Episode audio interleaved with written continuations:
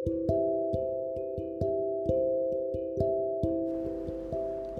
kamu yang sedang patah hati, aku tahu rasanya pasti campur aduk. Ada sedih, ada kecewa, ada rasa marah, ada rasa masih sayang ke orang yang sudah meninggalkanmu. Tapi percayalah, kamu gak sendirian. Semua orang pernah patah hati, merasa hancur, terpuruk, gak berharga, merasa tertolak. Semua ekspektasi hancur seketika ketika dihadapkan kenyataan. Semua harapan, semua keyakinan kamu hilang begitu aja.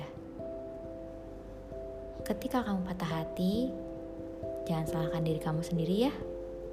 Orang lain pergi dari hidupmu bukan berarti itu salahmu.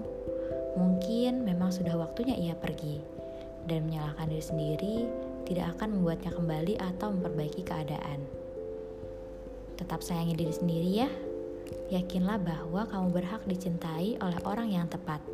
Bukan hanya tepat menurutmu, tapi juga tepat menurut Tuhan. Kamu boleh menangis jika ingin menangis. Kamu boleh menyendiri jika tidak ingin bertemu siapa-siapa untuk sementara waktu. Tapi ketika nanti kamu sudah lelah menangisi kepergiannya, yuk kita coba pelan-pelan bangkit dan hadapi rasa sedih ini dengan lebih bijaksana. Sadari bahwa hidup memang perihal datang dan pergi, juga bahagia dan sedih. Tapi rasa sedih gak berlangsung selamanya. Semoga setelah ini bahagia lekas datang kepadamu ya. thank you